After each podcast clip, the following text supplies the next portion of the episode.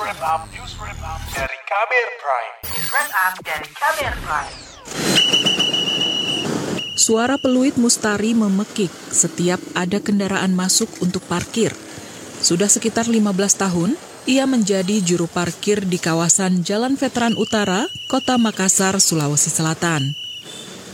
Tak banyak pekerjaan yang bisa dilakoni orang yang pernah menderita kusta seperti dirinya. Selain jadi juru parkir, Mustari juga mengayuh becak. Pendapatannya per hari sekitar Rp150.000 untuk memenuhi kebutuhan istri dan empat anak. Kalau parkir kan maksudnya kita tidak terlalu dibebani. Kalau punya kantor kan kita memerlukan ijazah, sedangkan kita tidak memenuhi standar ijazah. Yang tidak cacat bisa diterima masuk kerja. Tapi kalau yang sudah cacat tingkat tiga ini susah. Pria 54 tahun ini terjangkit penyakit kusta saat duduk di bangku SMP di Polewali Mandar, Sulawesi Barat. Kurangnya pemahaman membuat Mustari terlambat ditangani. Saya itu sekolah sudah terkena ada belang-belang, black-black di tubuh saya. Karena saya belum kenal kusta, makanya saya biarkan biarkan itu penyakit itu berkembang di tubuh saya.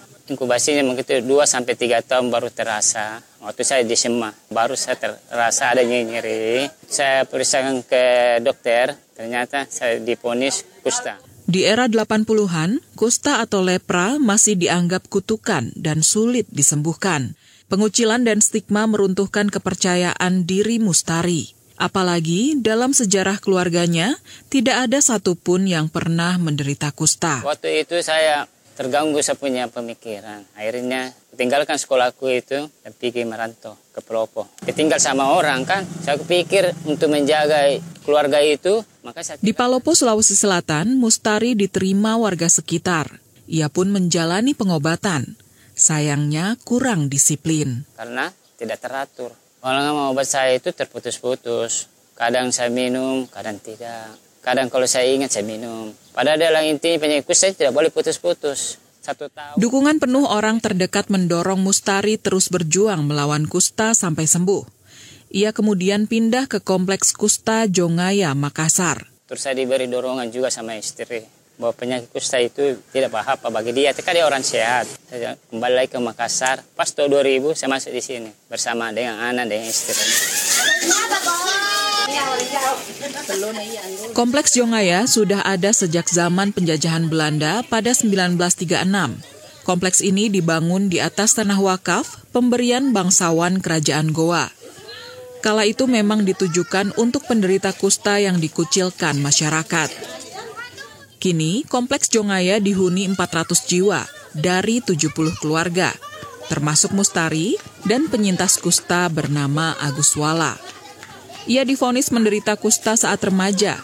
Sejak itu, stigma dan diskriminasi selalu menghampiri. Jadi untuk tipe saya ini hampir orang kampung tidak tahu bilang ini kusta selalu dibilang ini ke, karena angin atau guna-guna. Kan dalam keluarga pun tidak ada yang terima. Keluarga merahasiakan kondisi Agus lantaran status orang tuanya sebagai kepala dusun. Pada 1988, Agus nekat berobat ke Rumah Sakit Kusta Daya Makassar.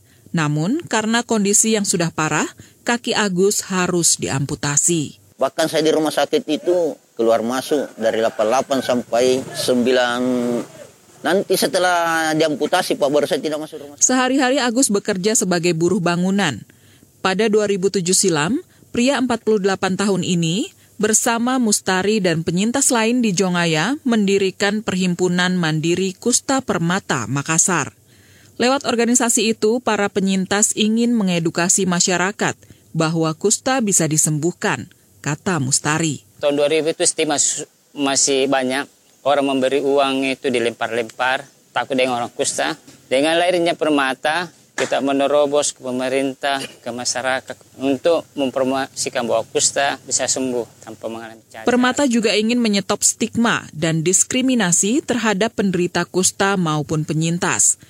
Agus selaku ketua Permata menyebut masih banyak penyintas kusta yang terpaksa mengemis untuk menyambung hidup. Sebenarnya tidak ada yang mau mengemis Pak. Cuma karena dia juga punya eh, anak dan istri untuk dihidupi terpaksa dia lakukan itu. Di sini kan kita kadang terkendali dengan eh, pendidikan. Tak jarang Agus ikut mencarikan rekan-rekannya pekerjaan. Ia menegaskan bahwa penyintas kusta mampu berdaya dan mandiri seperti warga lain. Layaknya kita bisa betul-betul inklusif. Jangan cuma dikatakan sesungguhnya orang yang pernah mengalami kusta juga itu bisa melakukan apa yang bisa. Demikian saga jurnalis KBR Nurdin Amir. Saya Astri Yuwanasari. Kamu baru saja mendengarkan news wrap up dari KBR Prime. Dengarkan terus kbrprime.id, podcast for curious mind.